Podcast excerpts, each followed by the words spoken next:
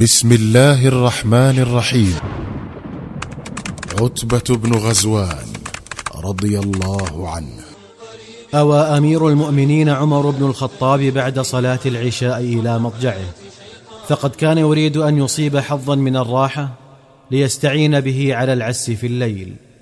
لكن النوم نفر عن عيني الخليفة لأن البريد حمل إليه أن جيوش الفرس المنهزمة أمام المسلمين كانت كلما أوشك جنده على أن يجهزوا عليها يأتيها المدد من هنا وهناك. فلا تلبث أن تستعيد قوتها وتستأنف القتال. وقيل له إن مدينة الأبلة تعد من أهم المصادر التي تمد جيوش الفرس المنهزمة بالمال والرجال. فعزم على أن يرسل جيشا لفتح الأبلة وقطع إمداداتها عن الفرس. لكنه اصطدم بقلة الرجال عنده. ذلك لأن شبان المسلمين وكهولهم وشيوخهم قد خرجوا يضربون في فجاج الأرض غزاة في سبيل الله حتى لم يبق لديه في المدينة إلا النزر القليل. فعمد إلى طريقته التي عرف بها وهي التعويض عن قلة الجند بقوة القائد. فنثر كنانة رجاله بين يديه وأخذ يعجم عيدانهم واحدا بعد آخر فما لبث أن هتف. وجدته نعم وجدته. ثم مضى إلى فراشه وهو يقول إنه مجاهد. عرفته بدر وأحد والخندق وأخواتها وشهدت له اليمامة ومواقفها. فما نبى له سيف ولا أخطأت له رمية. ثم إنه هاجر الهجرتين. وكان سابع سبعة أسلموا على ظهر الأرض. ولما أصبح الصبح قال ادعوا لي عتبة بن غزوان. وعقد له الراية على ثلاثمائة وبضعة عشر رجلا ووعده بأن يمده تباعا بما يتوافر له من الرجال. ولما عزم الجيش الصغير على الرحيل وقف الفاروق يودع قائده عتبة ويوصيه فقال له يا عتبة إني قد وجهتك إلى أرض الأبلة وهي حصن من حصون الأعداء فأرجو الله أن يعينك عليها. فإذا نزلت بها فادع قومها إلى الله فمن أجابك فاقبل منه ومن أبى فخذ منه الجزية عن صغار وذلة وإلا فضع في رقابهم السيف في غير هوادة.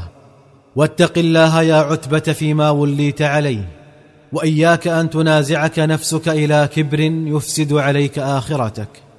واعلم أنك صحبت رسول الله صلى الله عليه وسلم فأعزك الله به بعد الذلة وقواك به بعد الضعف حتى صرت اميرا مسلطا وقائدا مطاعا تقول فيسمع منك وتأمر فيطاع أمرك. فيا لها من نعمة إذا هي لم تبطرك وتخدعك وتهوي بك إلى جهنم. أعاذك الله وأعاذني منها. مضى عتبة بن غزوان برجاله ومعه زوجته وخمس نسوة أخريات من زوجات الجند وأخواتهم. حتى نزلوا في أرض قصباء لا تبعد كثيرا عن مدينة الأبلة. ولم يكن معهم شيء يأكلونه. فلما اشتد عليهم الجوع قال عتبة لنفر منهم التمسوا لنا في هذه الأرض شيئا نأكله. فقاموا يبحثون عما يسد جوعتهم. فكانت لهم مع الطعام قصة رواها أحدهم فقال بينما كنا نبحث عن شيء نأكله دخلنا أجمة فإذا فيها زنبيلان. في أحدهما تمر وفي الآخر حب أبيض صغير مغطى بقشر أصفر. فجذبناهما حتى أدنيناهما من العسكر فنظر أحدنا إلى الزنبيل الذي فيه الحب وقال هذا سم أعده لكم العدو فلا تقربنه. فملنا إلى التمر وجعلنا نأكل منه. وفيما نحن كذلك إذ بفرس قد قطع قياده وأقبل على زنبيل الحب وجعل يأكل منه. فوالله لقد هممنا بأن نذبحه قبل أن يموت لننتفع بلحمه. فقام إلينا صاحبه وقال دعوه وسأحرسه الليلة فإن أحسست بموته ذبحته. فلما أصبحنا وجدنا الفرس معافى لا ضرر فيه. فقالت أختي يا أخي إني سمعت أبي يقول إن السم لا يضر إذا وضع على النار وأنضج. ثم أخذت شيئا من الحب ووضعته في القدر وأوقدت تحته. ثم ما لبثت أن قالت تعالوا انظروا كيف احمر لونه. ثم جعل يتشقق عنه قشره وتخرج منه حبوبه البيض. فألقيناه في الجفنة لنأكله. فقال لنا عتبة اذكروا اسم الله عليه وكلوه. فأكلناه فإذا هو غاية في الطيب. ثم عرفنا بعد ذلك أن اسمه الأرز.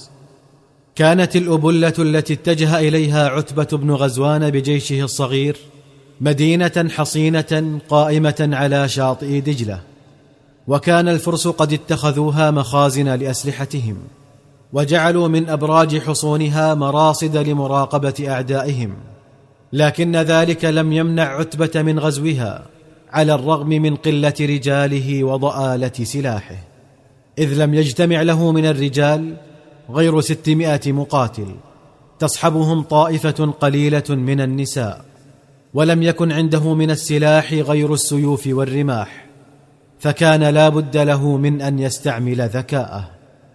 أعد عتبة للنسوة رايات رفعها على أعواد الرماح وأمرهن أن يمشين بها خلف الجيش وقال لهن إذا نحن اقتربنا من المدينة فاثرن التراب وراءنا حتى تملأن به الجو.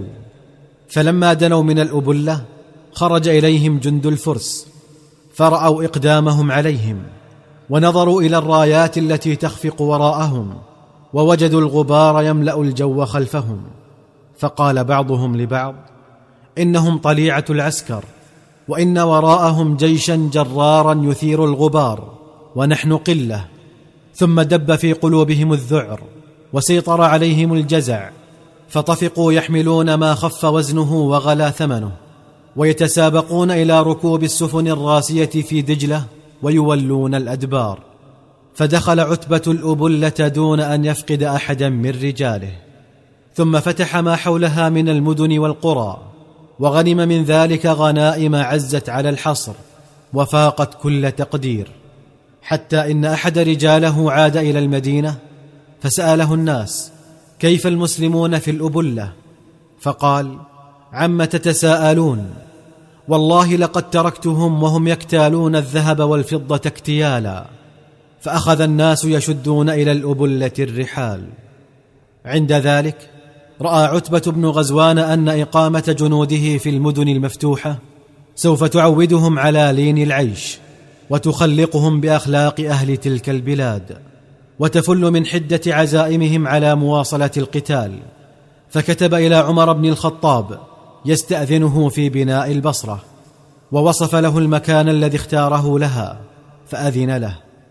اختط عتبة المدينة الجديدة وكان أول ما بناه مسجدها العظيم. ولا عجب فمن أجل المسجد خرج هو وأصحابه غزاة في سبيل الله. وبالمسجد انتصر هو وأصحابه على أعداء الله ثم تسابق الجند على اقتطاع الأرض وبناء البيوت لكن عتبة لم يبن لنفسه بيتا وإنما ظل يسكن خيمة من الأكسية ذلك لأنه كان قد أسر في نفسه أمرا. فلقد رأى عتبة أن الدنيا أقبلت على المسلمين في البصرة اقبالا يذهل المرء عن نفسه. وأن رجاله الذين كانوا منذ قليل لا يعرفون طعاما أطيب من الأرز المسلوق بقشره قد تذوقوا مآكل الفرس من الفالوذج واللوزينج وغيرهما واستطابوها فخشي على دينه من دنياه وأشفق على الآجلة من العاجلة فجمع الناس في مسجد البصرة وخطبهم فقال أيها الناس إن الدنيا قد آذنت بالانقضاء وأنتم منتقلون عنها إلى دار لا زوال فيها فانتقلوا إليها بخير أعمالكم. ولقد رأيتني سابع سبعة مع رسول الله صلى الله عليه وسلم وما لنا طعام غير ورق الشجر حتى قرحت منه أشداقنا. ولقد التقطت بردة ذات يوم فشققتها بيني وبين سعد بن أبي وقاص. فاتزرت بنصفها واتزر سعد بنصفها الآخر. فإذا نحن اليوم لم يبق منا واحد إلا وهو أمير على مصر من الأمصار. وإني أعوذ بالله أن أكون عظيما عند نفسي صغيرا عند الله. ثم استخلف عليهم رجلا منهم وودعهم ومضى إلى المدينة. فلما قدم على الفاروق استعفاه من الولاية فلم يعفه. فألح عليه فأصر عليه الخليفة وأمره بالعودة إلى البصرة فأذعن لأمر عمر كارها وركب ناقته وهو يقول اللهم لا تردني إليها اللهم لا تردني إليها.